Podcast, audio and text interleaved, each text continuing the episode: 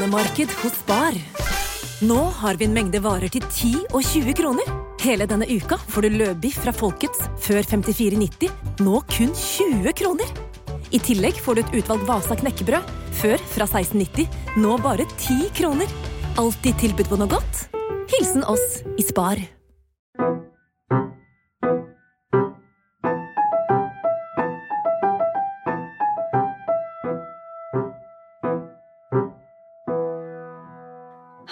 Velkommen til podkasten Frilanslivet, en podkast av meg, Hanna von Bergen, og min kollega Kristina Skreiberg. Vårt mål med denne podkasten er å være en faglig og inspirerende kanal for alle dere som jobber for dere selv i medie-, kunst- og kulturbransjen.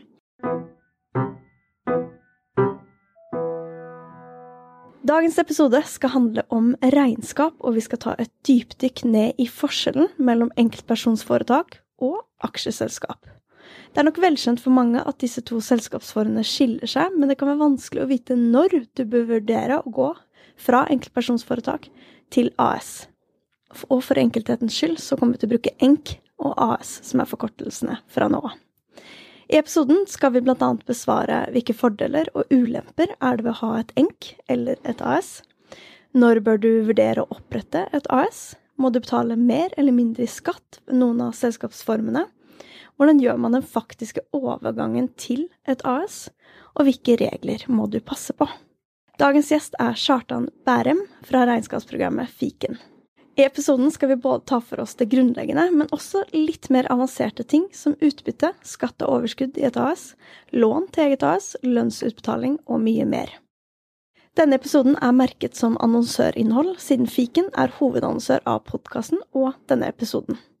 Fiken har faktisk heiet og støttet oss helt siden starten, fra den dagen vi troppet opp på kontoret deres og pitchet inn ideen om denne podkasten her, før vi en gang hadde publisert noen episoder. Og både jeg og Kristina har brukt fiken lenge før du ble annonsører, og digger dette regnskapsprogrammet. Og derfor har vi invitert Kjartan for å besvare spørsmål rundt dette temaet. Kjartan gjestet også episode 111, hvor han ga sine beste regnskapstips. Og hvis du er helt fersk og lurer på det grunnleggende rundt hvordan et regnskap fungerer, så lytt gjerne til episode syv med regnskapsfører Fred Gerhard Strand, som gir en introduksjon til regnskap. Neste ukes episode skal også handle om ENK versus AS, men da skal jeg og Kristina diskutere våre erfaringer med disse to selskapsformene. For Kristina hadde et ENK i flere år, men etablerte AS for seks år siden, mens jeg nettopp har startet et AS etter å ha hatt ENK i mange år. Og da skal vi også snakke om overgangen fra ENK til AS, om våre egne erfaringer, og hva vi anser som fordelen og ulempene med de to selskapsformene. Så gjør deg klar for to nerdete episoder. Og i denne episoden så skal vi primært snakke om på en måte den økonomiske delen ettersom vi har en regnskapsekspert eh, på besøk. Vi kommer litt innom det med sosiale rettigheter, men primærfokuset er på regnskap og økonomi. Hei, Kjartan. Hyggelig å ha deg tilbake i studio. Hei. Takk for at jeg får komme. Veldig hyggelig. Eller sist så snakka vi faktisk på skjerm fordi det var korona. Ja. Så Nå er det jo spesielt hyggelig å ha deg fysisk i studio. Absolutt. så la oss bare hoppe inn i dette temaet. Jeg vet det er et tema som veldig mange har spørsmål rundt. La oss starte eh, med det grunnleggende. Hva er egentlig forskjellen mellom et enkeltpersonsforetak og et AS? Den største forskjellen er egentlig at et AS er en egen person, såkalt juridisk person. At det er en helt separat ting ifra deg som en privatperson. Mens et enkeltpersonsforetak er på en måte deg. Alt det enkeltpersonsforetaket gjør, står du inne for. Så hvis du har et enkeltpersonsforetak og ikke det kan betale regningene, så er det du personlig ansvarlig for det. Hvis du har et aksjeselskap, og de ikke kan betale regningene, så er det på en måte aksjeselskapet sitt problem, ikke ditt private problem. Og det er mange forskjellige sånne ting som er forskjeller. Et AS, for eksempel. Hvis du går i et overskudd, så er det aksjeselskapet som skal skatte av overskuddet. Mens hvis du er et enkeltpersonsforetak, går i overskudd, så er det du som privatperson som er skattemedlem. Så det er et, måte, stort skille her med at et AS er en Bare tenk på det som en helt annen person, mens et enkeltpersonforetak er deg rent personlig.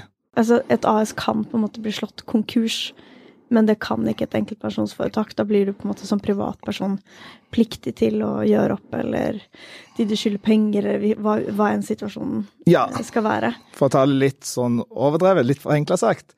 Hvis det er AS eh, går konkurs, så taper du den aksjekapitalen, de 30 000 du er inne med. Hvis et enkeltpersonsforetak går konkurs, så kommer de på en måte etter huset ditt, for å si det sånn. Så der er det et helt annen forskjell på hvor stort ansvar som er på deg. Veldig mange har jo et enkeltpersonsforetak fordi det er veldig lett å starte opp. Um, Det er veldig Eller det er lett å drifte. Um, Så kan, du- kan du fortelle litt om fordelene ved å ha et enkeltpersonsforetak? Du er litt inne på det der, med at det er enklere å starte opp. Det er enklere å drive et enkeltpersonsforetak. Dette her med at det er, ikke det er skille mellom deg og selskapet, gjør at hvis du har 10 000 kroner på kontoen til enkeltpersonsforetaket, du har lyst på de pengene, så er det bare å ta det og bruke det privat. Mens et AS da, så må du ta det ut som lønn. Så sånn sett er det lettere å drive et enkeltpersonsforetak. Det er mindre formaliteter. Det er et par skjemaer du slipper å gjøre. Et AS med inn med årsregnskap og aksjonærregisteroppgaven, den type ting. Hvis et enkeltpersonsforetak, de slipper disse tingene. Mm. Hva vil du si er ulempene med et enk? Det er òg litt av det samme som er fordelen, er òg ulempen. Det med at det ikke er et skille mellom deg og selskapet, gjør at ofte mange blander disse tingene litt for mye. At du tar ut penger fra selskapet, fra enkeltpersonsforetaket, og så glemmer du kanskje at du hadde en momsoppgave som skal betales, eller at du glemmer å sette av skatten, den type ting. At, du, at det at det er litt for lite skille, gjør at det kan bli litt rotete økonomi i det. Ja, ikke sant? For jeg, hadde akkurat tenkt å spørre, men gjør, hva har det noe å si hvis man ikke f.eks. har veldig stor risiko? Har det noe å si at det ikke er noe skille? Eh, men det er jo det at man kanskje løper på eh, det her eh, ulempen av at det ikke er eh, Ja, at man kan blande litt, da, privatøkonomien og på en måte det du får inn på enkeltpersonsforetaket. Ja, vi opplever at en del eh, blander de tingene i helt stor grad. Eh, det med risiko, så ja, for mange selskaper så er det egentlig ingen risiko. Hvis du, hvis du bare fakturerer noen timer, du har ikke noen verktøy, du har ikke noe utstyr du holder på med, du vet at det er ikke noen risiko for at du holder på konkurser, så er det ikke alltid den risikoen som stopper deg. Det kan være andre ting som gjør at jeg tenker kan være litt mer usikkert. da. Og hvis man ser på et aksjeselskap, et AS, hvilke fordeler vil du si at det er med det? Den selskapsformen? Ja, der er det litt forskjellige fordeler. Den første er utad mot kunder, mot potensielle samarbeidspartnere. At et aksjeselskap framstår litt mer profesjonelt. Det er en del som gjerne ønsker å snakke med eller handle med et aksjeselskap, og ikke en privatperson. For den blir opplevd, opplevd som en privatperson. En annen ting, en viktig ting, er at da kan du ta ut lønn. Da kan du være vanlig ansatt i aksjeselskapet ditt og få alle de rettigheter du får som en vanlig ansatt. Og her er det inne på en del av de viktigste kildene, at et, når du har et AS, så kan du være en helt vanlig ansatt på samme måte som du jobber på et firma du ikke har noen tilknytning til. Og det gir deg veldig mye bedre sosiale rettigheter på Nav, ved arbeidsledighet, ved pensjon, ved eh, ja, hvis du skal ut i foreldrepermisjon, for eksempel. Så der er det veldig store fordeler med å være ansatt. Men dette forutsetter at du da faktisk tar ut lønn. Det at du er ansatt i seg sjøl, holder ikke her. Det må være at du da tar ut en fast lønn, eller en varierende lønn, men tar ut nok lønn fra selskapet. Mm. Og når det gjelder liksom de sosiale rettighetene, for det er ikke det vi skal ta dypdykk i i denne episoden, men det på en måte er vanskelig å ikke snakke om det fordi det henger så nært opp til hvilken selskapsform man skal velge. Og da er det jo akkurat liksom dette med sosiale rettigheter som jo for mange er kanskje det som gjør da at man eh, går fra et enk til et AS. Og her kan jeg jo nevne at når det gjelder sykepenger, eh, så har man rett til sykepenger uavhengig av om du er enk eller et AS, men du får 80% som enk fra 17. fraværsdag, mens du som eh, på en måte ansatt i ditt eget AS får 100 eh, men også fra 17. dag, fordi du på en måte som egen arbeidsgiver til deg selv må betale de første 16 dagene. Så da er det liksom egentlig 20 forskjell da, i utbetalingen på sykepenger. Men når det er dagpenger, så har du ikke rett på dagpenger. Nei. Er enkeltpersonsforetak. dagpenger får du ikke som enkeltpersonsforetak. Så det betyr at hvis selskapet ditt plutselig ikke har omsetning, så, så får ikke du dagpenger og arbeidsledighetstrygd. Og det er jo en stor forskjell fra et aksjeselskap. Jeg kan nevne det med, med sykepenger òg. Så er det ekstraforsikringer som er mulig å ta som et enkeltpersonsforetak. Og på en måte betale eh, en forsikring på forhånd til Nav for å få en bedre dekning på sykepenger.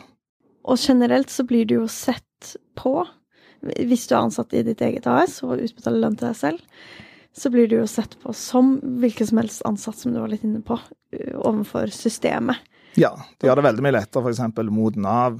Sier du skulle ha behov for, eh, for en støtte fra de, så vil du da kunne vise lønnsslipper som en privatperson, og det vil være mye være enklere. Det kan være at de stiller et par oppfølgingsspørsmål fordi at du òg er eier i selskapet, men det vil være mye lettere å vise til den inntekten enn i et enkeltpersonsforetak, der det kanskje varierer veldig fram og tilbake, og, og, og det er ikke en fast månedlig utbetaling. Ikke sant. Og vi har akkurat gjort to episoder med Nav om uh, foreldre Eh. Så hvis du er nysgjerrig på liksom den delen av sosiale rettigheter, som er spesifikt på foreldrepermisjon, så kan du scrolle tilbake til de to episodene med Nav. Hvilke ulemper vil du si at det er eh, å ha et AS? Eh, en ulempe er f.eks. at det er jo da ikke dine penger. Så hvis pengene kommer inn på AS konto, for å få de ut til deg som privatperson, for å kunne bruke de noe privat, så må du da ta lønn. Det vil si at du må lage en lønnsutbetaling, eh, som da skal sendes inn som en avmelding hver måned til skatteetaten. Og når det er lønn, så er det noe som heter arbeidsgiveravgift, som er en avgift på 14,1% på toppen av all lønn.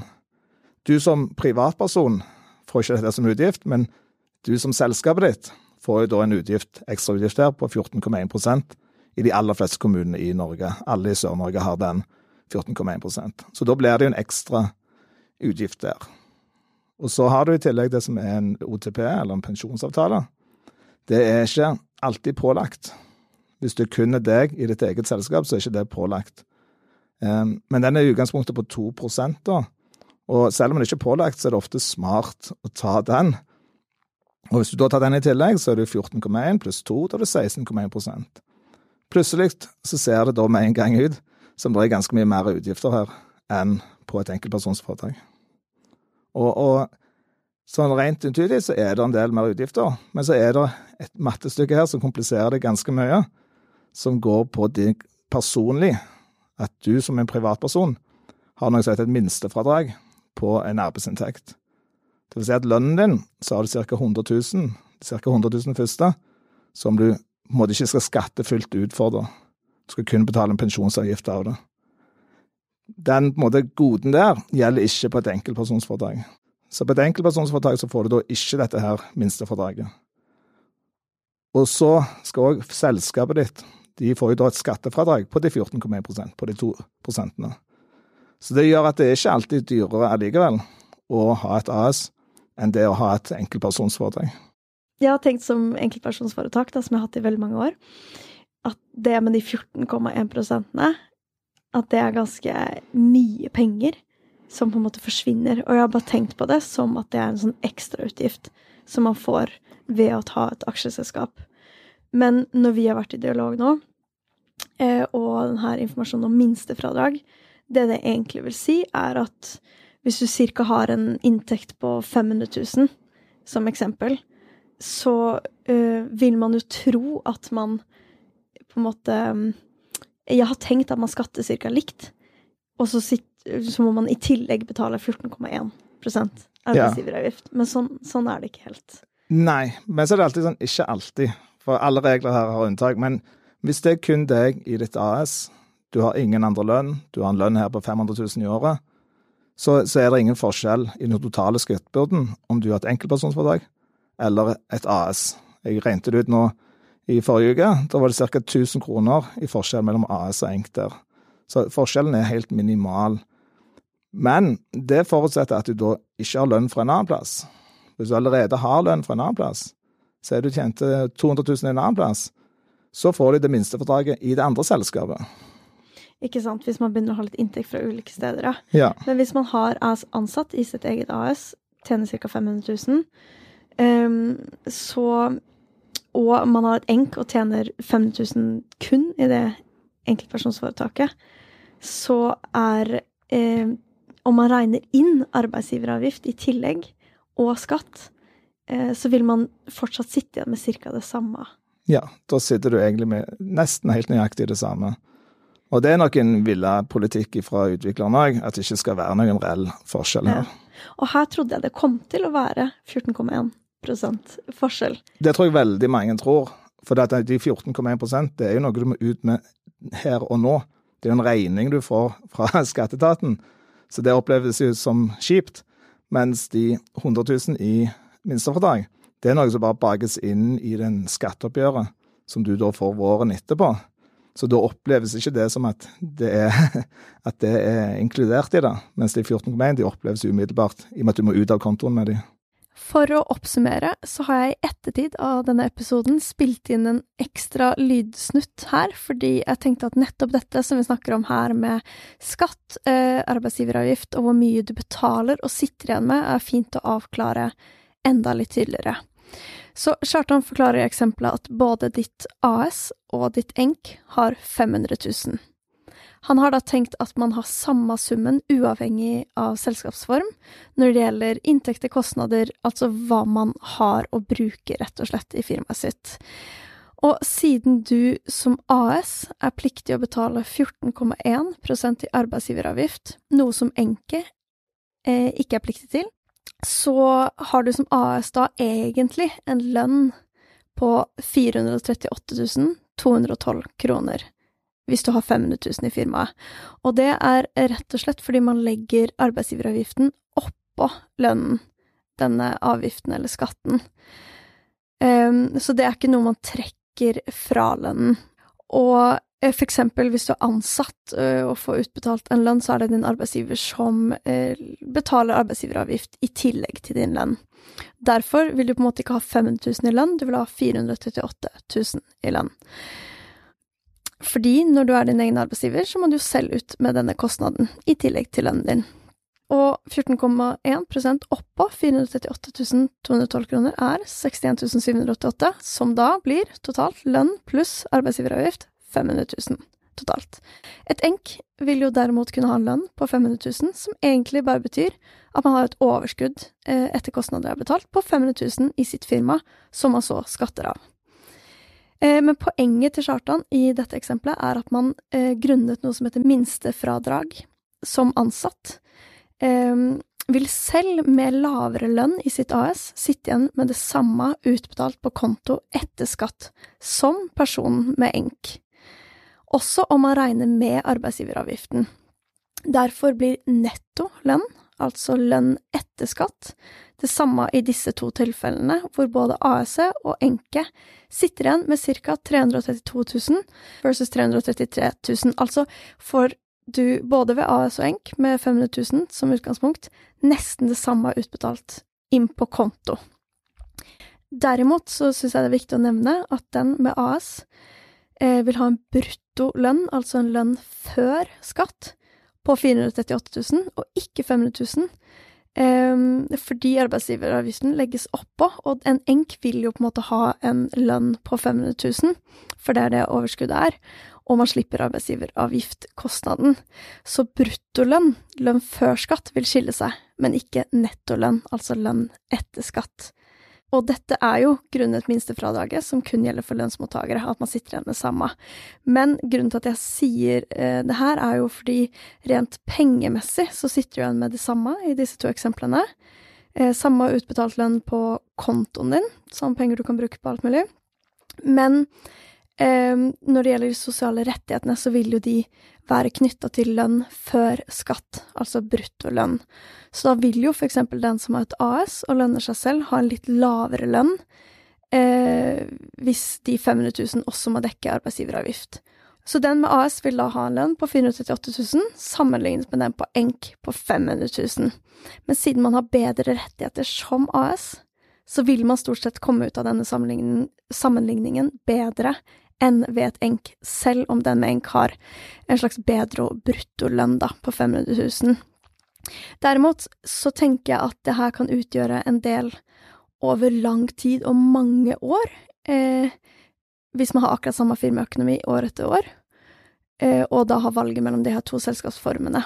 Og det er jo fordi at for eksempel pensjon fra folketrygden, det blir jo basert på alle, alle årene du har jobba, og det blir basert på lønn før skatt, foreldrepermisjon etc., etc. Eh, og sykepenger og sånn, men siden da et AS får 100 utbetalt av sykepenger, og et ENK får 80% så vil det jo på en måte komme ut av det bedre. Men personlig så ville jeg nok tenkt at hvis man vurderer et AS, eh, og ha det over lang tid, så kanskje man skal tenke arbeidsgiveravgiften på 14,1 oppå den nåværende lønnen man har i sitt enk, eh, og at det er lurt å sikte at man har råd til det, rett og slett sånn at man også kan på en måte beholde samme lønnen, i tillegg til at man har råd til 14,1 arbeidsgiveravgift. Eh, fordi da har man jo samme bruttolønnen sett opp mot alle de her sosiale eh, rettighetene i forhold til Nav.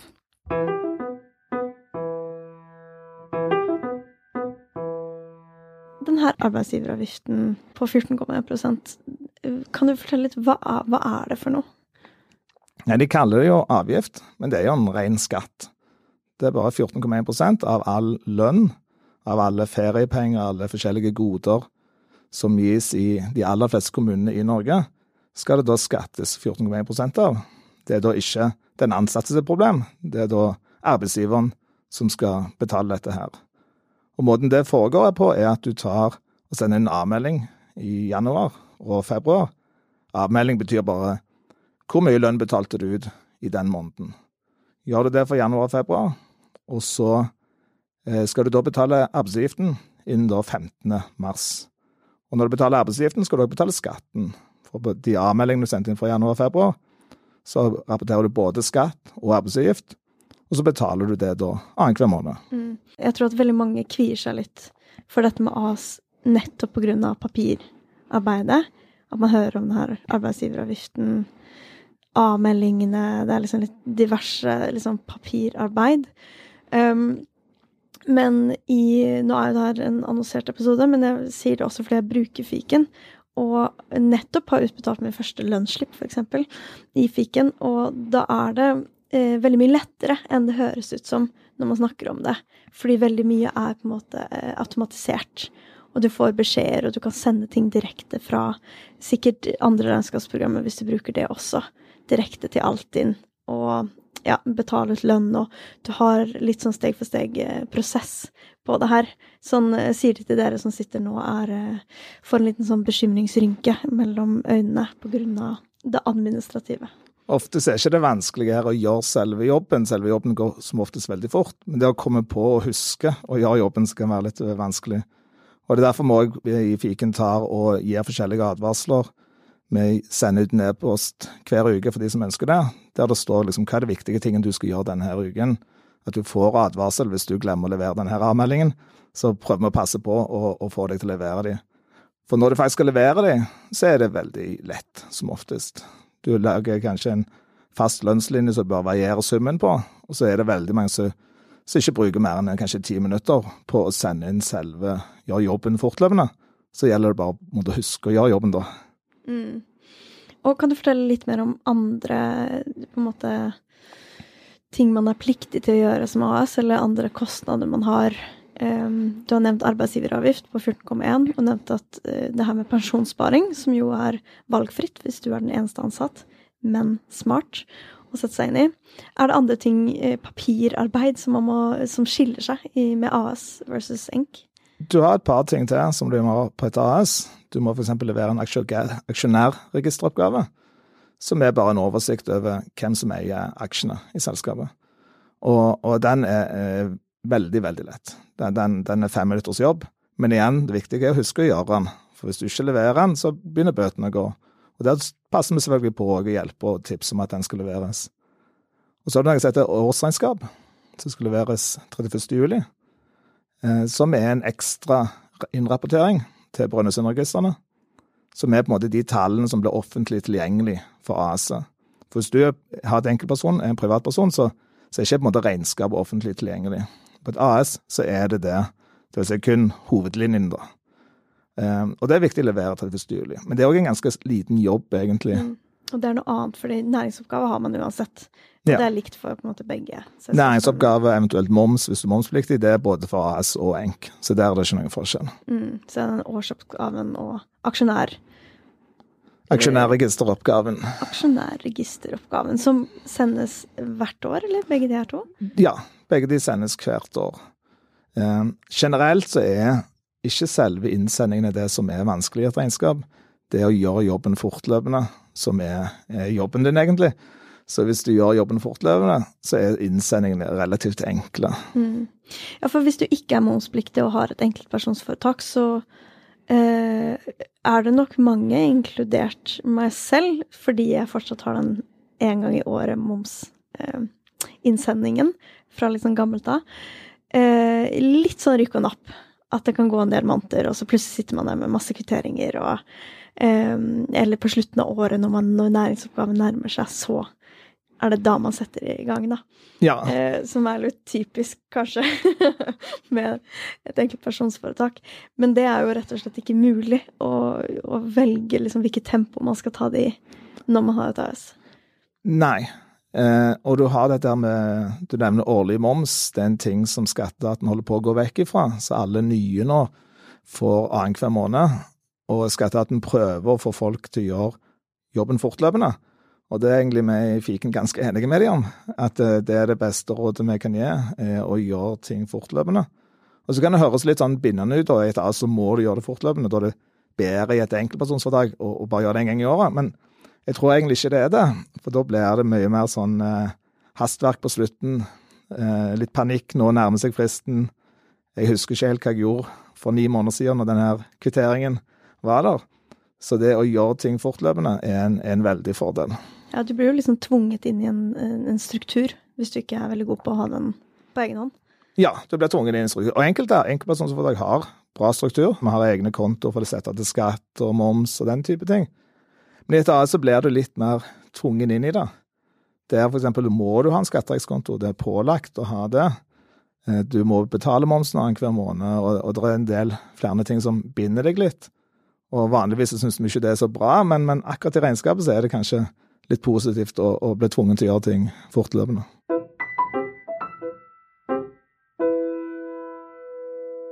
Hva tror du gjør at uh, mange kan liksom kvie seg litt for å starte et aksjeselskap, hvis man har hatt et enkeltpersonsforetak i mange år? Jeg tror det er at tradisjonelt så har det vært vanskelig. Det har vært en del papirer som skal gjøres. Hvis vi går ti år tilbake i tid, så så var det en, en haug med papirer som måtte godkjennes av en revisor, som kosta penger for å få gjort det. Du hadde 100 000 i aksjekapital, og, og det var litt vanskelig å få gjort. Nå er aksjekapitalen gått ned til 30 000. Eh, papirene er veldig enkle å gjøre. Eh, du kan f.eks. gjøre det via fiken og folio, der du da har en gratistjeneste, som du da får fikse alt dette her at fiken Fiolio hjelper deg til å gjøre det, sånn at det ikke er en kostnad med selve stiftelsen. Og så er det dette med 30 000 aksjekapital. At folk tenker det er en utgift. Mm, og når du sier aksjekapital, så betyr det hva det koster å på en måte starte AS-et? Eh. Ja, det vil si at det er de pengene du må inn med i selskapet ditt. Du må sette 30 000 inn på en konto som tilhører selskapet. Men dette er egentlig ikke en utgift i den forstand, for at disse pengene kan du da så bruke til hva du vil i selskapet. Da kan du kjøpe utstyr, da kan du betale lønn til deg sjøl, da kan du gjøre hva som helst med de. Så den utgiften du har da i et selskap ved å starte, er gebyr til Brønnøysund. Det er på 5570 kroner. Det er den faktiske utgiften, da. Og så tror jeg det er mange som tror at det er veldig mye vanskeligere å levere inn regnskapet for AS. Og igjen, ti år tilbake i tid, ja, det var det. Det var en periode alle måtte ha revisor, hvis vi går en del år tilbake. Eh, det har du ikke nå lenger. Så jo, det er et par skjema til som må leveres, som vi nevnte tidligere, men, men, disse tingene går egentlig veldig greit og fort å gjøre, så lenge du på en måte har gjort selve regnskapet, da. Mm. Og så lenge man har et regnskapsprogram, eh, for det gjør det jo alt veldig, veldig mye lettere. Um, jeg kan nevne det òg at på AS så vil det nå komme en ny regel fra skatteetaten eh, at alle AS må ha et regnskapsprogram. Mens på enkeltpersonforetak så har du ikke den samme regelen som, som det da for AS. Mm. Kan man velge å gjøre regnskapet selv, også med et uh, AS? Ja. Alle, absolutt alle selskaper kan velge å gjøre regnskapet selv. Ingen trenger å ha eh, regnskapsfører. Alle kan gjøre det selv. Men det er enkelte regler. Hvis du kommer opp i en god del millioner eller veldig mange ansatte, så gjør at du da må ha en revisor. Og, og det gjelder både for AS og ENK. Men, men det, hvis det kun er deg sjøl i selskapet, så er det mest sannsynlig ikke de tingene som kommer til deg. Da, så da kan du alltid velge å gjøre det sjøl. Ja, ikke sant. Og her kan jeg nevne at uh, min måte å løse det på er at jeg ved enkeltpersonsforetaket har gjort alt helt selv. Men nå når jeg har AS, så har jeg fått inn en regnskapsfører hvor jeg selv gjør allting selv, men en som f.eks. baserer over at det blir gjort riktig, f.eks. når jeg sender i moms eller næringsoppgave. Ja. Så litt sånn eh, litt på siden support. Eh, utover at jeg på en måte I tillegg til at jeg fører alt i det vanlige og i daglige selv. Det er en del som gjør det, som bruker en slags hybridløsning. At de enten bruker vår kundestøtte, eller at de har en regnskapsfører som gjør en sluttjobb for dem. Og kanskje har det i noen år, og så ser de etter noen år at nå klarer jeg dette her fint sjøl. Og så tar de hele jobben sjøl. Er det noen andre forskjeller mellom AS og ENK som man bør tenke på? I og med at et AS er en egen juridisk person, så må AS ha en egen bankkonto. I et enkeltpersonsforetak så kan du bruke en privatkonto. Eh, jeg vil anbefale deg å opprette en egen konto på, på enket ditt òg. Med et AS så må du ha det. Den skal stå i firmaet sitt navn, du skal ha en skatterettskonto. Og disse kontoene på AS må du gjøre det som heter en bankavstemning på. Det vil egentlig bare bety at du, du kontrollerer at alt det som har skjedd i virkeligheten mot bankkontoen, òg har blitt ført i regnskapet. Så du kontrollerer linje for linje. Da har vi selvfølgelig en egen funksjon for det i fiken. Og det gir deg en ekstra kontroll for å få med deg at du har fått med deg alle utgiftene, alle inntektene. Du har fått registrert alt som faktisk har skjedd i selskapet ditt. Og som nevnt i et AS er det pålagt. I et enkeltpersonsforetak så er det ikke pålagt, men det er smart.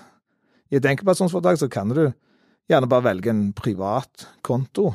Du kan bare gå i nettbanken din, opprette en privat konto, kalle den for bedriftskonto, um, og kan gjerne gjøre en bankavstemning på den. da.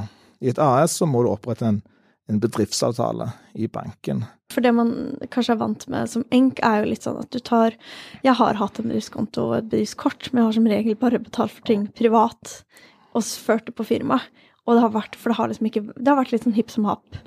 Um, mens når man har et AS, så blir det veldig viktig at man eh, kanskje Ja, alt som hører til firma, kommer fra firma også. At man Ja. bruker firmakortet på det som er firmautgifter, og registrerer måte faste kostnader på firmakortet etc. Absolutt. Prøv å holde tingene på selskapet. Hvis det er en kvittering, faktura Hvis du får en faktura, så skal den være i firmaet sitt navn. Det er enkelte tilfeller mulig å ha det som ansattutlegg. Eksempel hvis du er på reise og du har brukt et privatkort, så er ikke det noen krise. Men som en hovedregel her, så er det viktig å få eh, tingene betalt fra firmakontoen. Og alle fakturaer må jo stå i firmaet sitt navn, ikke ditt private navn. Mm. Så her er det en liten sånn jobb med når man gjør overgangen. Og kanskje litt sånn de første månedene før man blir vant til um, litt den her driften, da, Ja, som et AS krever. og da er du igjen på det der at det er større skille på AS eh, enn det er på Tenk. Og det er både positivt og negativt, men jeg tror det i, på slutten av dagen så er det mest positivt å ha dette her skillet.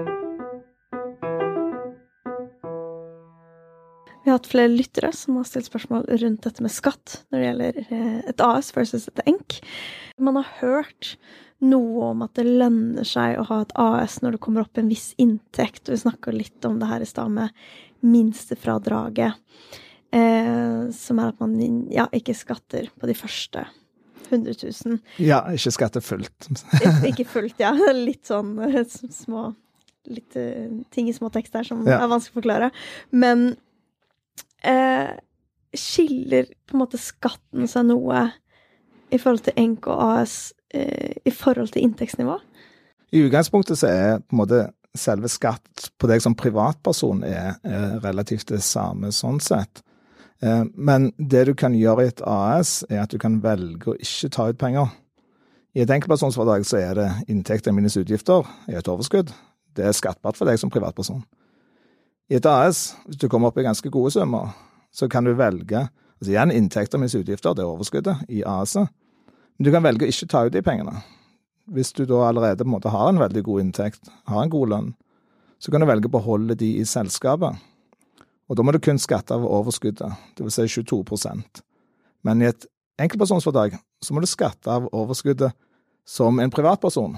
Og da kommer til høyere opp, til mer skatt kommer du da, helt til du da nærmer deg 50% i skatt hvis du har en veldig, veldig høy inntekt. Mm. Men hvis man tjener 200 300 400 500 1000 600 000, vil det være litt sånn hipp som happ i forhold til skatt? Og hvor mye du skatter, om du har et enkeltpersonsforetak eller et AS? Ja, så lenge du ikke da har lønn fra et annet sted, så vil det være det.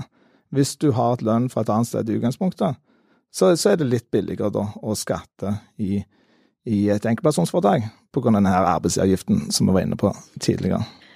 Og når du sier skatt, mener du da både arbeidsgiveravgift, skatten, i tillegg til den vanlige skatten? Ja, for hvis du er den eneste personen i selskapet ditt, så, så betyr det egentlig ikke så mye for deg om det er skatt eller arbeidsgiveravgift eller gebyr eller hva som helst det kalles.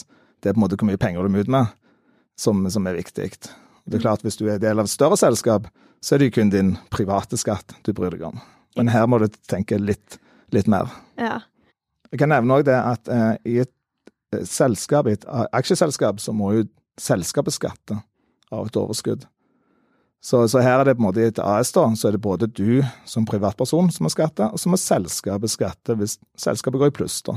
Mm. Så er det plutselig to skatteoppgjør her du må tenke på. Det skal vi komme litt tilbake til, det her med hvis det står igjen penger i liksom firmaet ditt når du har et AS, eh, at det her 22 %-skatten som du nevnte, at den er noe annet enn skatten du betaler når du betaler selv lønn. Ja.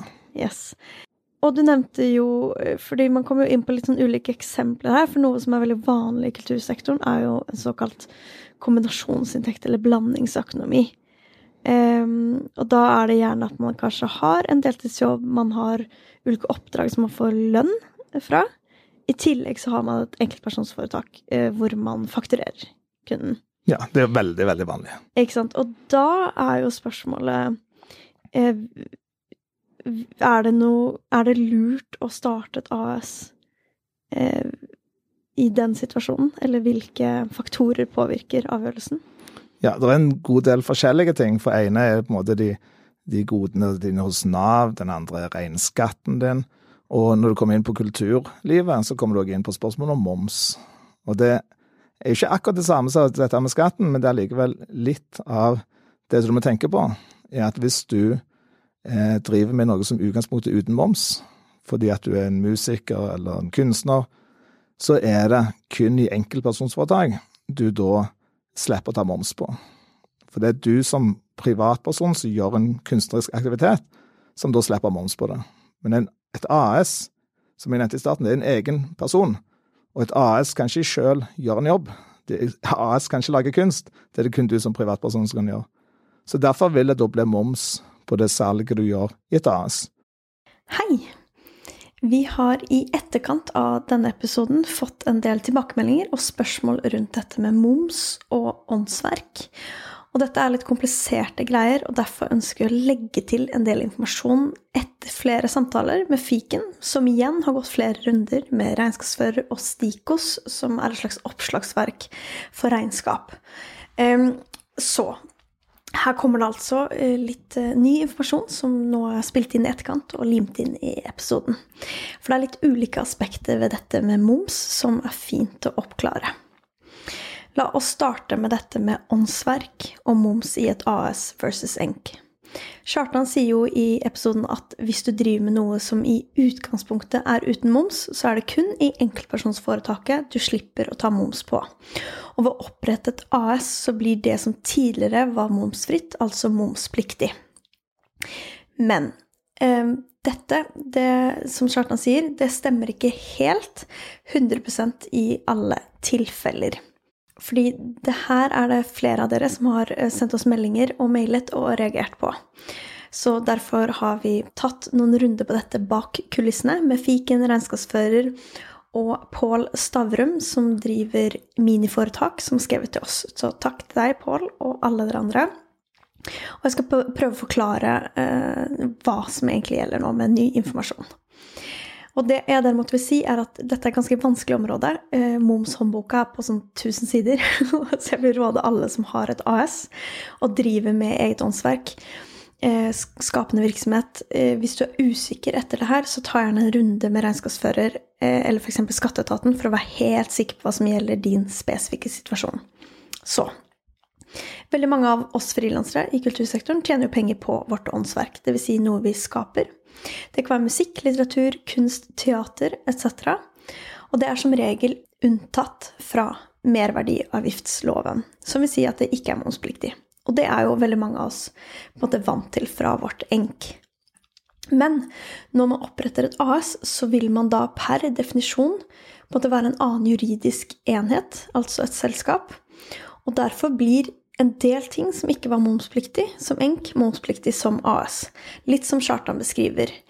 Og dette gjelder f.eks. hvis du er en journalist og skriver en tekst, eh, en musiker som lager musikk, eh, som du selger til noen, eller f.eks. skriver et teaterstykke, eller en kunstner som selger et kunstverk. Så dette er ting ved ENK som er uten moms, men som ved et AS vil være momspliktig. Derimot så gjelder det ikke absolutt all eh, type liksom, kunst og alt som har med et verk eller åndsverk å gjøre. Og det er vel her det er viktig å presisere at det finnes unntak. Så det her er liksom ny informasjon som går litt imot det Chartan eh, sa i episoden. Fordi eh, når det gjelder kunstnerisk fremførelse, så er det på en måte en objektiv regel som gjelder uavhengig av selskapsform. Og det er egentlig et viktig skille når det gjelder dette med moms og åndsverk. Og det er på en måte ordet kunstnerisk fremførelse. Og det står i loven at en kunstnerisk fremførelse av et verk ikke er momspliktig. Eh, og det er alle former for kunstnerisk fremføring. Så det kan være musikk, skuespill, scenekunst etc. Og det er samme om det er ditt eget åndsverk eller noen andres. Så om du er musiker på scenen, spiller din egen musikk eller noen andres, fremfører ditt eget stykke eller noen andres etc. Og det vil på en måte være det samme om du har enkel AS. Det vil ikke være moms på det uavhengig av selskapsform. Og det samme gjelder hvis du jobber rundt disse personene, rundt en kunstnerisk fremførelse, f.eks. en bookingagent eller lignende.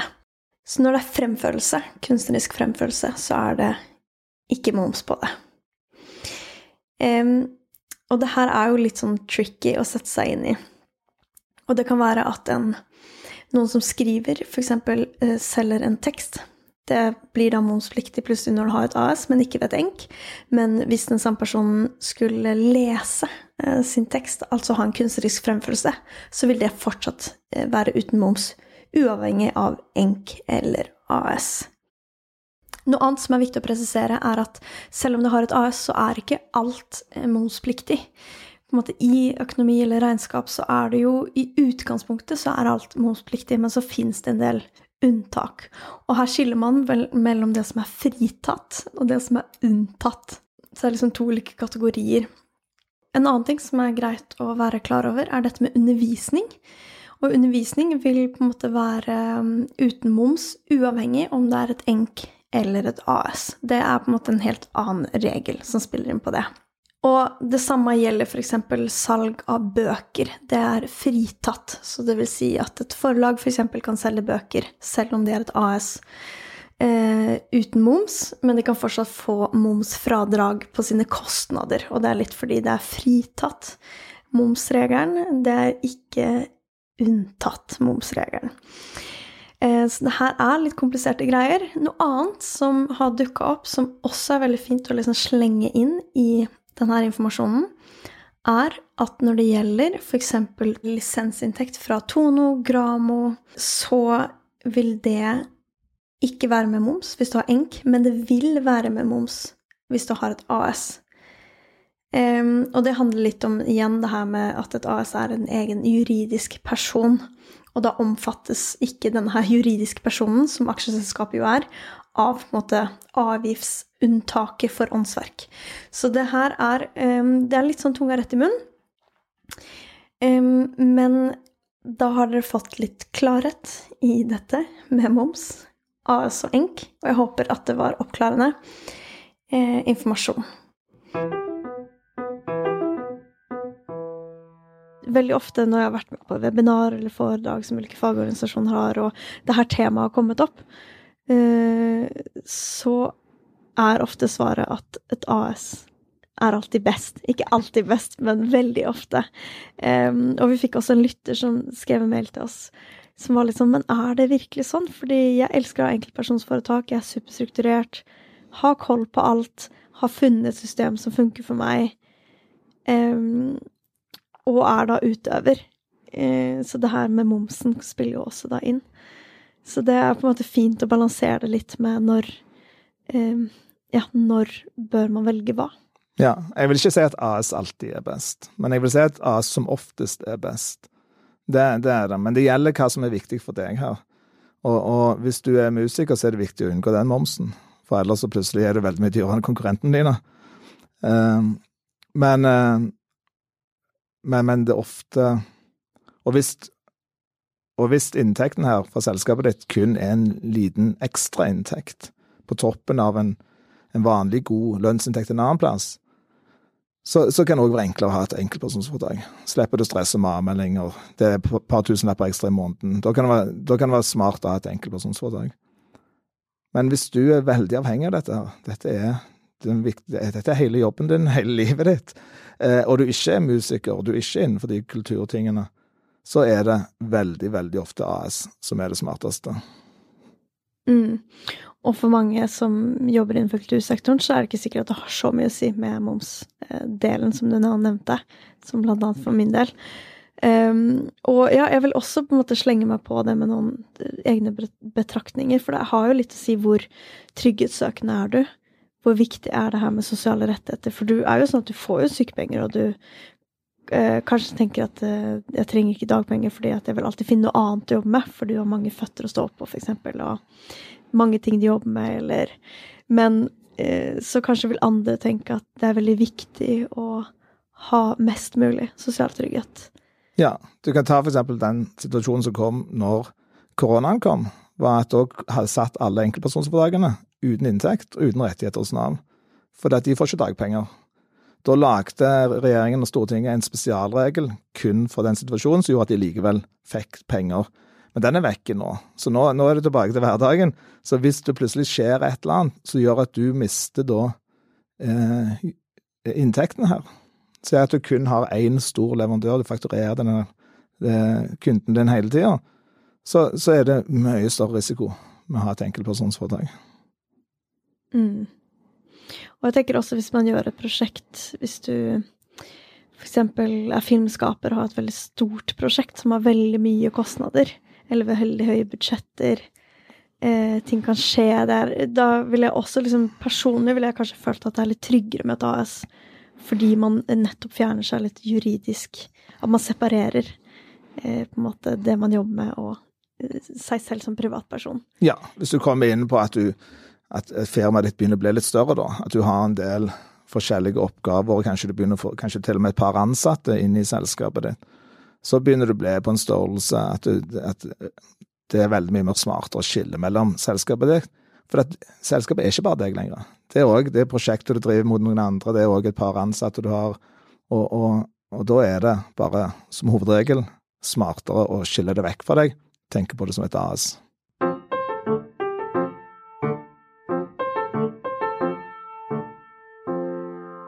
Men når det gjelder skatt, som vi var inne på, så har det ikke noe å si. For ett spørsmål jeg hadde, var hvor mye bør man tjene før det lønner seg å starte et AS, og rent økonomisk? Men jeg vet ikke om det fins et svar da på det. Det er et vanskelig spørsmål. For det er et komplekst spørsmål, og det kommer an på veldig, veldig mange forskjellige typer ting.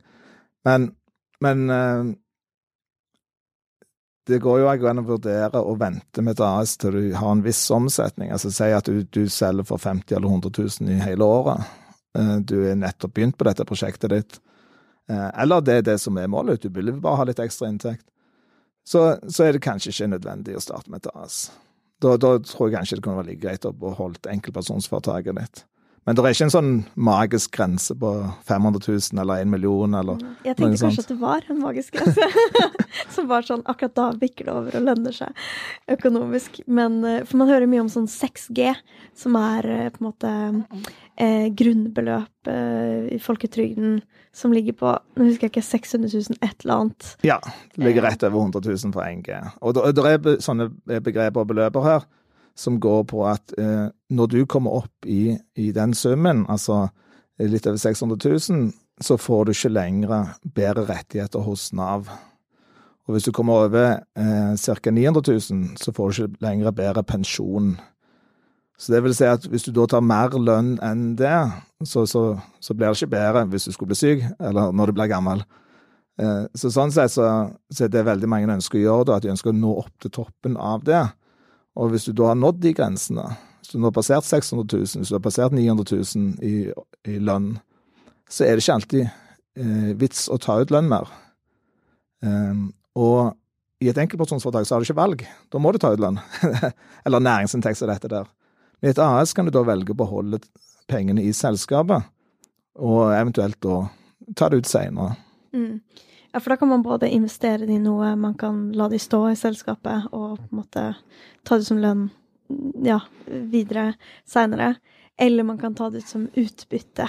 Ja. Og det her er vel en av grunnene til, hvis du tjener ganske bra og har god inntekt, og eh, at det kan på en måte skattemessig være en fordel å eh, ta ut mye lønn, og så på toppen av det ta ut noe utbytte.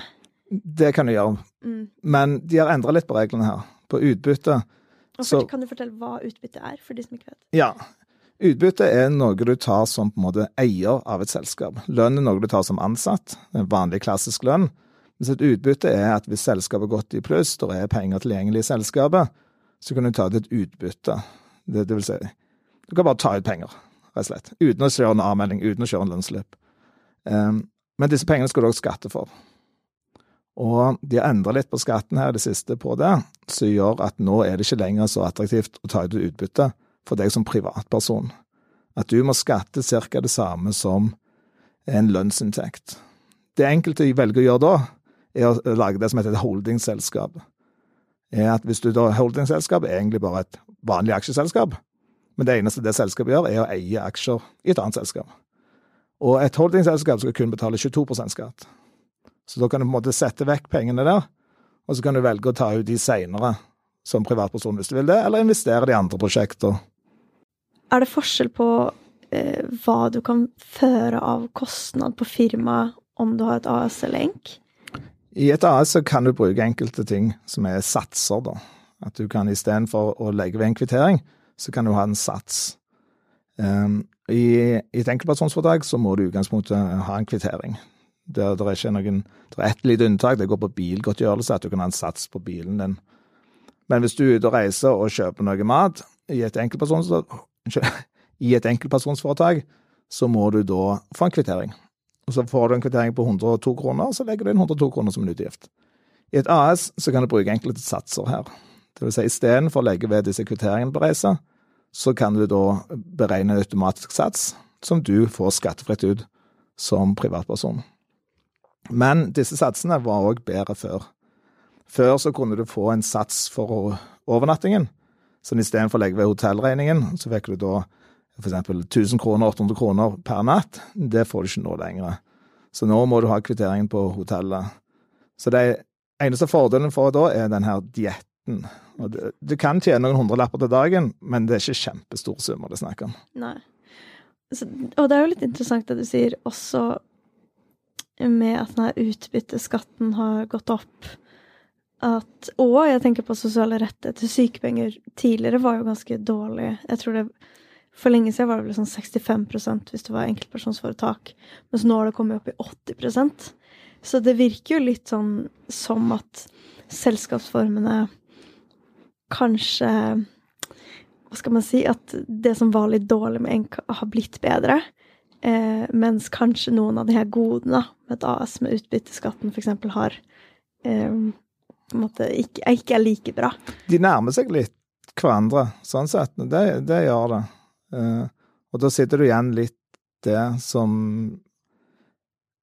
Det du sitter igjen med da, egentlig, er at et, et AS er det litt mer skjemaer, og så er det litt mer rettigheter hos eh, Nav. Dagpenger er en veldig viktig rettighet og sånn. Men, men, men det er ikke de store forskjellene sånn ren kronemessig alltid. Ja, så det er ikke nødvendigvis så svart-hvitt at det på en måte er eh, soleklart at det er AS. Det er ikke alltid soleklart om du skal velge AS eller ENK, men som en hovedregel så er AS det beste utgangspunktet. Det er det. Så kan det finnes ting hos deg som gjør at det i ditt tilfelle likevel er bedre at enkeltpersonsforetak, men jeg tror spesielt i forhold til disse rettighetene mot Nav, så er det som oftest best å ha AS.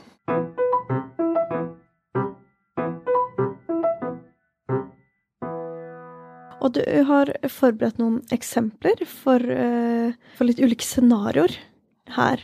Um, som jeg leser, så kan du få svare litt på de.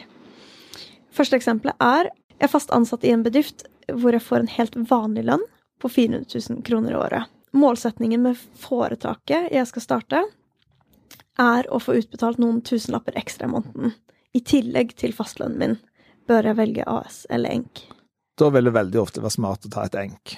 Da er firmaet ditt relativt lite, og du har en fast lønn i bunnen fra et annet plass. Minstefradraget får du derfra, rettigheter hos Nav får du fra det andre selskapet, og et par tusenlapper ekstra her i det selskapet du vil drive med. Da er det lettere for deg å slippe avmeldinger, slippe litt av disse skjemaene, og bare ta det som et enk. Og hvis situasjonen er at man kanskje har litt mer 50-50, at uh, si at man tjener 250 000 som ansattlønn, 250 000 i firma, da er det vel kanskje Da begynner det å bli litt mer sånn eh, Litt vanskeligere, kanskje? Da blir det litt mer usikkert. Da får du dette minstefradraget i det selskapet du er ansatt på, så da har du likevel den goden. Men så kan det likevel svi veldig mye for deg hvis du plutselig mister den inntekten fra enk enket ditt. Men, men, da begynner det å bli litt vanskelig å si direkte, generelt, om alle hva som er rett. Og det kan òg være tenke å vurdere hva, hva ønsker du å oppnå om ett år, om to år. Hvis du ønsker at et selskap ditt skal bli så stort at du kun skal jobbe med det, så, så gjerne AS, da. Men hvis det var bare sånn tilfeldig akkurat i år, så tjente jeg mye penger, men neste år så går jeg ned, så er det kanskje ENK som er, er det rette. Og eksempel to, jeg er ikke ansatt noe annet sted, og selskapet jeg driver, går med 4000 kroner i overskudd, og det vil si da etter kostnadene er betalt i firmaet, og står for det aller meste av de private inntektene mine. Jeg er avhengig av utbetalinger fra selskapet mitt for å kunne betale privatlån eller husleie. Bør jeg velge AS eller ENK? Som oftest nå så er det alltid et AS som er det beste. For her er tryggheten din såpass viktig. Her må du Du må få inn de pengene. Og, og, du har på en måte Du må ta det lille ekstra arbeidet for å få den ekstra tryggheten. Og, så her, her ville ikke jeg uh, tatt sjansen på at et enkeltpersonsforetak. Fordi at eh, hvis det plutselig begynner å gå litt dårlig, så, så vil du som privatperson risikere å ja, rett og slett å miste huset, da, i det verste tilfellet. Eh, så, så, i dette tilfellet så vil et AS være smart. Mm. Og her nevner du også det Jeg tenker på det du sa i stad, med om du er utøver eh, med, som musiker eller ja. forfatter eller eh, kunstner, så kan det med momsen være såpass liksom fordelaktig at du velger å beholde enkeltpersonsforetak. Ja, de mm. aller fleste musikere f.eks. har et enkeltpersonsforetak. Rett og slett fordi det er ingen som har råd til å, å overprise konkurrenten sine med 25 Mm. Sånn at det momentet i seg sjøl gjør at du, du, må nesten bli pålagt å ha enkeltpersonsforetak. Og eksempel fire. Jeg skal gjøre noen større investeringer i maskiner um, som jeg skal leie ut. Det her kan vel uh, Ja, en keramiker kan jo kanskje kjøpe en ovn eller en glassblåser. Altså det fins jo uh, ulike investeringer uh, som du også gjør som kulturutøver, og vil ta opp et større lån i en bank for å finansiere dette. Og jeg planlegger å få flere ansatte i selskapet. Jeg er litt usikker på om dette prosjektet kommer til å gå bra eller ikke, men jeg har troen. bør jeg velge AS eller ENK? Her bør du velge et AS. Av litt gjerne forskjellige grunner. ene er gjerne at banken din vil ikke låne nødvendigvis penger til deg som privatperson. Eh, men òg at risikoen din er så stor her. At du, du skal ha flere ansatte, du skal drive med utleie, kjøpe dyre utstyr. Eh, og, og det er en risiko som du som privatperson helst bør prøve å unngå. For hvis du har et AS, så er det på en måte som hovedregel, så risikerer du ikke å tape mer enn det du gikk inn med i AS, den aksjekapitalen på 30 000. Så det er et unntak der hvis det på en måte er grov uaktsomhet og svindel og sånt, men som en hovedregel så, så, så kan du ikke tape mer enn det. Mens er et enkeltpersonsforetak, så, så kan du tape absolutt alt. Mm. Og eksempel fem er jeg og en venn skal starte et foretak sammen. Bør jeg velge AS eller ENK? Ja, her bør du òg velge et AS. Og det er rett og slett for at hvis du og den vennen da skal drive selskap sammen i et enkeltpersonsforetak, så vil all inntekten komme på en av dere. Da må den andre personen bli ansatt. Mm. Og så finnes det et par andre selskapsformer her som holder på å dø litt ut. DA, ANS, NUF og sånt. Men som i hovedregel så er ikke de noen gode alternativer. Så her når du er flere personer som er involvert, så bør du absolutt ha et AS. Og her kan vi jo også, eller vil jeg gjerne eh, komme med en kommentar, fordi eh, hvis man tenker sånn klassisk liksom gründere som skal gå sammen og lage selskap, så er det her kanskje noe du skal Ambisjoner gjøre fulltid, begge to eller alle tre, over mange år, det skal bli stort, etc. Men i kultursektoren så er det jo kanskje mer at man gjør mange ulike prosjekter sammen. Et eksempel er jo jeg og Kristina som gjør det her prosjektet eh, Frilanslivet, podkasten her, som egentlig starta som et prosjekt, men kanskje er blitt mer og mer eh, noe vi gjør, begge gjør 50 hver. Eh, men i tillegg så har jo vi andre ting vi jobber med. Jeg gjør et marked sammen med en annen person. Eh, jeg har kanskje et tredje prosjekt sammen med to andre. Og da blir det jo veldig mange aksjeselskaper, og, kan, og det kan kanskje være litt rotete Eh, så jeg tenker at det også spørs vel litt på hvor mye penger er det snakk om, hvor stabilt er det, hvor stor risiko er det, hvor eh, Ja, hvor viktig er det personlig at du eier eh, da en del av selskapet?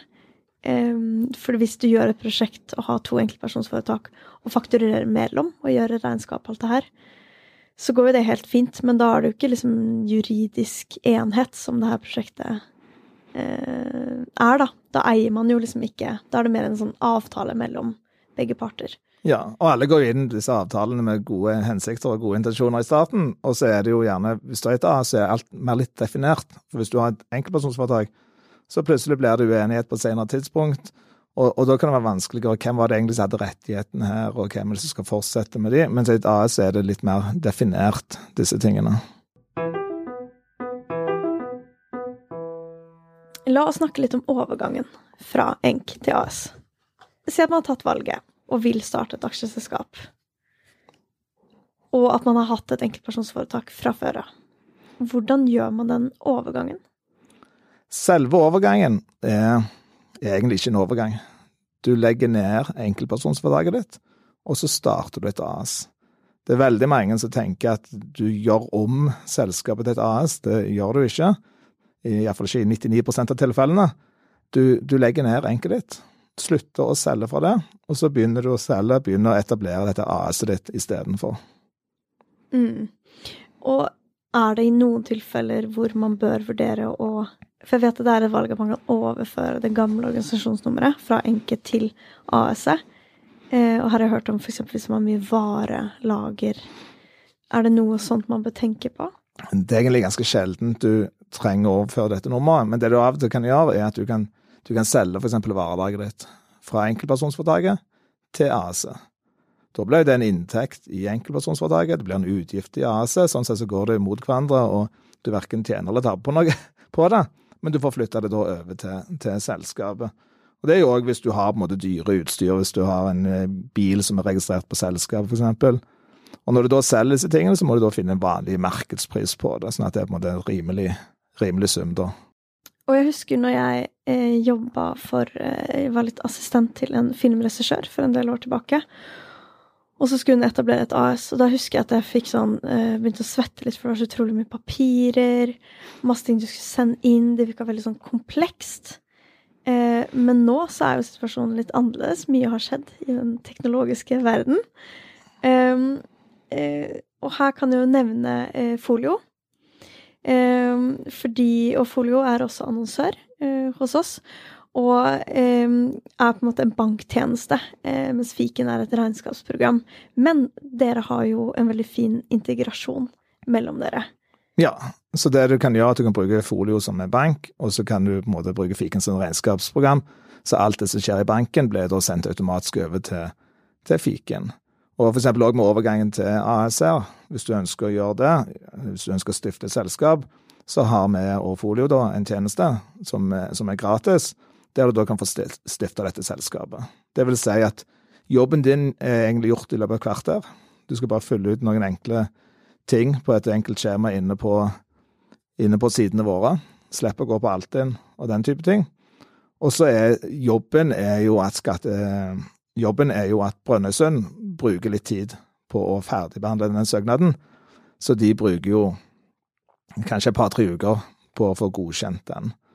Så, så det er ingen kostnader ved selve etableringen fra oss eller fra Folio. Som jeg nevnte tidligere, Brønnøysund har et gebyr på 5570 kroner. Og så er det disse 30 000 som du da må sette inn. Men det er ikke en utgift, for de kan du bruke da i selskapet. Mm. Og jeg har vært gjennom denne prosessen noen ganger nå, eh, fordi vi har startet et eget AS for frilanslivet. Jeg har startet et eget AS for meg. Eh, så da har jeg brukt stiftemaskinen som ja. Folio har, eller man kan gå inn på fiken og søke Start AS, så kommer man også inn på denne eh, tjenesten. Eh, og som du nevner, så er det Jeg, vet, jeg ble i hvert fall veldig letta når jeg innså at eh, alt var på en måte så strømlinjeforma.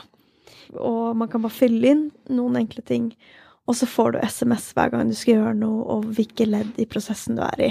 Og jeg tror det er her mange eh, tenker på hvordan ting var for ti år siden, eh, der det ikke var sånt. Der, der det var gebyrer til revisor, og der det var eh, samordnet registermelding inne på Altinn, og det var kompliserte skjema. Og her har det skjedd veldig mye de siste årene. Så, så, det er veldig annerledes enn det kanskje kompisen gjorde for ti år siden. Så, det, sant? så, så det har blitt ufattelig mye lettere å, å få gjort disse tingene. Mm. Og Gjennom Folio så får man da automatisk en bankkonto, man får også en skattetrekkskonto og et kort, så man på en måte får hele setupen man trenger. Um, og kan ja, legge inn kvitteringer der det sendes direkte til fiken. Så det er jo blitt veldig, veldig mye lettere. Så akkurat den der med å starte et AS, den biten, er eh, veldig overkommelig, vil jeg si. Ja, den har blitt veldig lett. Mm. Det, det, det, jeg tror ingen skal tenke at eh, at oppstarten er for vanskelig. Det er det rett og slett ikke lenger. Og så er det jo litt med timingen, som jeg kan tenke meg er ofte kanskje litt vanskeligere. Uh, I forhold til um, er, det, er, det, samme når på året man gjør denne overgangen? Eller overgangen som da egentlig er å starte et AS? Når du har et selskap, så må du levere skattemelding for det selskapet. Så hvis du starter selskapet Eh, slutten av desember, så må du da levere en skattemelding for det året. Så hvis du er nå helt på slutten av året og tenker kanskje jeg skulle gå over til et AS, så kan det være smart kanskje å vente, stifte det selskapet 1. januar heller. Da slipper du å levere for desember, så da sparer du deg den innleveringen, da. Og så kan du gjerne holde på med enkeltpersonforetaket nå fram til nyttår. Du kan gjerne starte selskapet, sette i gang med det, men sette etableringsdatoen til 1. januar 2023. Og sånn sett da må du levere for 2023 fra ASA, og så tar du og avvikler selskapet, enkeltpersonsfradraget ditt, nå i 2022, sånn at du da slipper å sitte og levere dobbelt. Ja, for nå kan vi liksom bevege oss litt inn på sånn det avanserte. Vi har jo på en måte vært gjennom det her med utbytte. En annen ting som kanskje er litt sånn avansert, er jo det her med skatt av overskuddet i selskapet. Um, kan du fortelle litt For jeg har hørt at man skatter 22% av overskuddet som er igjen ved årets slutt i et AS. Eh, kan du utdype litt om hvordan det funker? I et AS så er det alle inntekter minus alle utgifter blir et resultat. Og hvis det resultatet er positivt, at du har mer inntekter enn utgifter, så skal du da skatte dette resultatet. Så sier du da har et resultat på 100 000, skal du skatte 22% av det. Og måten det skjer på, er at du da, våren 2023, rapporterer inn i skattemeldingen hvor mye penger gikk firmaet mitt i overskudd. Eh, en del mer tall, men hovedreglene er da det. Så da sier du våren 2023 at i 2022 så tjente jeg 100 000 i selskapet mitt. Og så sier skattedaten på høsten 2023 ja greit, da skal vi ha 22 av dette her. Da krever vi inn 22 000 kroner av dette. Mm. Og Så har du òg det som heter en forskuddsskatt. At hvis du nå vet at jeg kommer til å tjene penger, jeg tror jeg kommer til å få et overskudd i 2022, så bør du sette på en forskuddsskatt. Den betaler du da litt sånn eh, Ikke så veldig intuitivt, så betaler du forskuddsskatten for 2022 våren 2023. Eh, men det er forskudd fordi at selve skatteoppgjøret er ikke gjort ennå. Mm. Hva er forskjellen da med å vente om du betaler høsten eller på våren? Er det noen forskjell å registrere seg som på en måte en beregning av overskudd versus det å bare eh, melde inn tallene i etterkant at det har skjedd? Nei, det er egentlig ingen stor forskjell. Eh, du betaler et forskudd og hvis det er på våren, og hvis det er feil Hvis du har betalt for mye, så får du penger til gode. Har Betalt for lite, så må du betale litt restskatt. Eh, men skatteetaten vil ofte automatisk gi deg et forskudd. Og, og da må du vurdere er dette her riktig eller ikke. Si igjen du tror du kommer til å tjene 100 000, og så sier skatteetaten at nei, vi tror du kommer til å tjene en halv million, og så ender du opp med å betale et kjempehøyt forskudd. Eh, da må du gi beskjed til skatteetaten at dette her forskuddet er feil, dette må man få justert. Og Det er relativt enkelt å gjøre, men det er veldig viktig å faktisk gi beskjed til dem ikke bare ikke betale det, eller uh, betale det du tror er riktig, du må gi beskjed, og så får de korrigert dette ganske fort. Og jeg har tenkt før jeg starta AS at det her 22% av overskuddet var ganske problematisk, fordi um, jeg har veldig ujevn inntekt og gjør noen store prosjekter på slutten av året. Og så har jeg tenkt superbra, da sparer jeg f.eks. 200 000 i selskapet til lønn i januar, februar, mars. Eh, og så fikk jeg vite at man må skatte 22% på pengene som står igjen, eller på overskuddet. Um, og så tenkte jeg at det er veldig kjipt uh, at de forsvinner, versus et enk, da, hvor det ikke har noe å si, fordi det fungerer helt annerledes. Ja, du skatter ikke av de pengene som står igjen, men du skatter jo av overskuddet ditt. Og, og av det kan være det ca. samme summen som står igjen, men det, det, er liksom ikke de pengene på bankkontoen som du skatter av. Det, det du skatter av, er inntekter minus utgifter. Og hvis penger bare står på bankkontoen din, så er det ikke verken en inntekt eller utgift. Så hvis du hadde det ved starten av året, på slutten av året, så, så er de bare, de ligger bare i selskapet der. Så du må ikke skatte på nytt av de. Så hvis du skatter 22 av det i 2022, de fortsatt ligger i selskapet når du går over til 2020, 2024, da, så, så, vil det da ikke bli noe ekstra beskatning på det. Mm. Det er en, det er noe som heter formuesskatt, litt annerledes, men, men, men, det blir en helt annen vurdering, og den er veldig, veldig mye lavere, og som oftest ikke slår til på samme måten. Men det her med holdningsselskap øh, øh, Du nevnte jo litt at det er, det er som et vanlig aksjeselskap. Øh, men hva gjør at det liksom kalles et holdingselskap? Holdingselskap er mest en sånn uformell betegnelse. Eh, i, forhold til registreringen i Brønnøysund, så er det et aksjeselskap. Det er ingen reell forskjell der. Men eh, det som gjerne folk tenker på holdingselskap, er at det holder da aksjer i et annet selskap eh, og gjør ingenting i seg sjøl. Det har ikke en egen drift i selskapet. Det eier bare aksjer i et annet selskap, og tar eventuelt ut utbytte fra det selskapet. Og Enkelte holdingselskap er i mange selskaper, mens enkelte er kanskje kun i ett annet selskap. Og det er typisk da hvis du er tre venner som skal gå sammen om prosjekt. Da oppretter du et aksjeselskap som alle tre eier kanskje en tredjedel av. Og så istedenfor at du som privatperson eier de aksjene, så kan du holdingselskapet ditt eie disse aksjene. Mm, ja, så når man registrerer sitt AS, så velger man på en måte hvem som står som eier av AS. Ja. ja og da velger man organisasjonsnummeret til det her aksjeselskapet, ja. som man da kaller Stemmer. Da er det et selskap som eier aksjene, ikke en person. Mm. Og så eier du da aksjene i dette holdingselskapet ditt. Ja. Hva egentlig Når er det relevant å ha et, eller vurdere et holdingselskap? Det er gjerne når du ikke skal ta ut så veldig mye lønn av dette selskapet. Du vil ønske å ta ut et utbytte, eh, igjen da 22 istedenfor den høye satsen. Og så vet du ikke helt hva du skal gjøre med pengene, rett og slett. Du vil ha de her, det er ikke sånn at du trenger å ta de ut for å betale private hus og lån og den type ting. Eh, men pengene kan ligge der, kanskje du ønsker å investere i et annet selskap. Da slipper du jo Da må du ikke betale denne skatten. Kanskje du seinere vil ta det ut som utbytte. Eller seinere vil ta det ut som lønn. Kanskje du bare vil vente noen år. Så det er jo gjerne typisk når du har et større prosjekt med flere personer involvert, og lønnen din allerede er veldig bra, så at du ikke trenger bedre rettigheter hos Nav og disse tingene, da kan det være smart å, å sette opp et holdingselskap. Mm. Det går veldig, veldig bra eh, for deg. Ja. Så, ja. Men det er, kult, det er veldig fint å vite om, selv om det ikke nødvendigvis er aktuelt for alle. Så er det jo fint å vite at det fins, og på en måte sånne her selskapsstrukturer. Ja, mm. det er mye strukturer der, men hvis det kun er deg og kun ditt selskap, og det er ikke andre involvert i den driften her, så, så, er det ikke så ofte så veldig mye interesse av å ha et holdingselskap. Ja.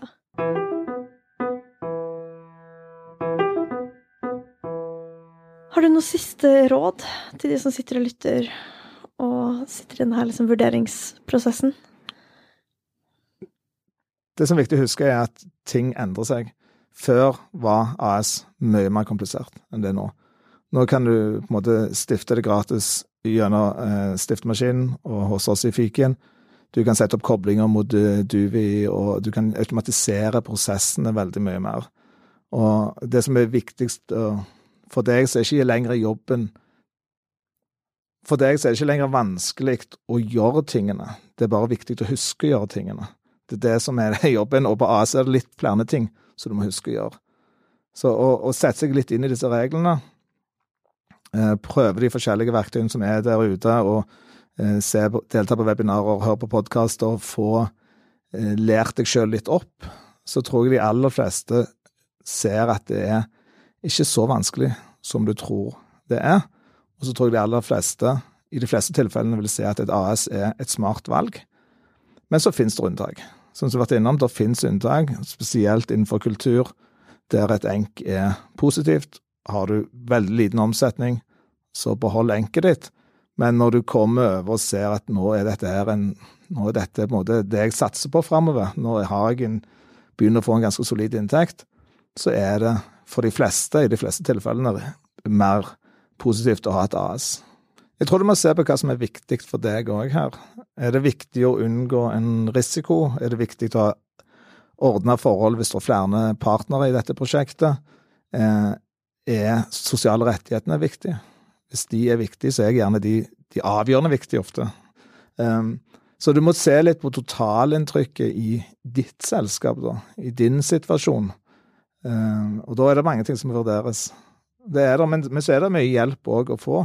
Eh, ta gjerne og kontakt oss, ta gjerne kontakt skatteetaten. Eh, prøv å sette deg inn i denne her, ta en vurdering, diskutere deg fram og tilbake. Så det er dessverre, sånn som det ofte er, ikke et svar med to streker under. Det er en vurdering som, som tas. Men så er det òg en vurdering som kan tas seinere òg. Du kan starte selskapet ditt nå med enkeltpersonsforetak, se et år, to år seinere og se at nå begynte det faktisk å ta litt av dette her. Greit, da gå over til et AS. Mm. Og den her Jeg har i hvert fall hatt en antakelse om at det er veldig økonomisk lønnsomt med AS etter et visst punkt. Og det har vi jo på en måte debanka litt, den myten. Eh, det er til en viss grad, for du har et utbytte der hvis du har et holdingselskap, og det er, muligheter der, sånn sett. Eh, men, men de de tingene var mer fremtredende før enn det nå. Mm. Så her faller vi litt ned på mm, både liksom denne strukturen og at man blir litt um, tvunget inn i en veldig god struktur som gjør at du må levere alt og alt det her. Eh, og de sosiale rettighetene, som jo er bedre. Ja, og så havner du litt inn på at etter regnskap så er det eh, du må dele mer i et AS mellom deg og selskapet. Og det er, det er både positivt og negativt. For det gjør at du må være litt mer nøyaktig. Du må ha en skattetrekkskonto, du må sette dette opp og den type ting. Men, eh, men det gjør òg at du blir mer nøyaktig. At du unngår at det blander firma og privat. Og, så det er på en måte det som er positivt, det er òg det negative. Mm. Men, men, det er en læringskurve, og, og, hvis du tar den, så tror jeg du sitter igjen med mye mer eh, ofte ved å gå over til et AS. Ikke sant. Og denne praten skal jo jeg og Kristina eh, fortsette i neste ukes episode. Eh, så hvis du fortsatt sitter med noen spørsmål, skriv til oss.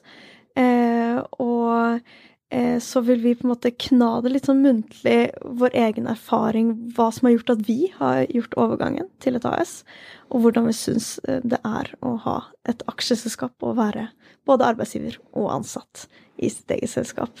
Så eh, da kommer vi til å liksom fortsette denne prosessen med å snakke om fordeler og ulemper.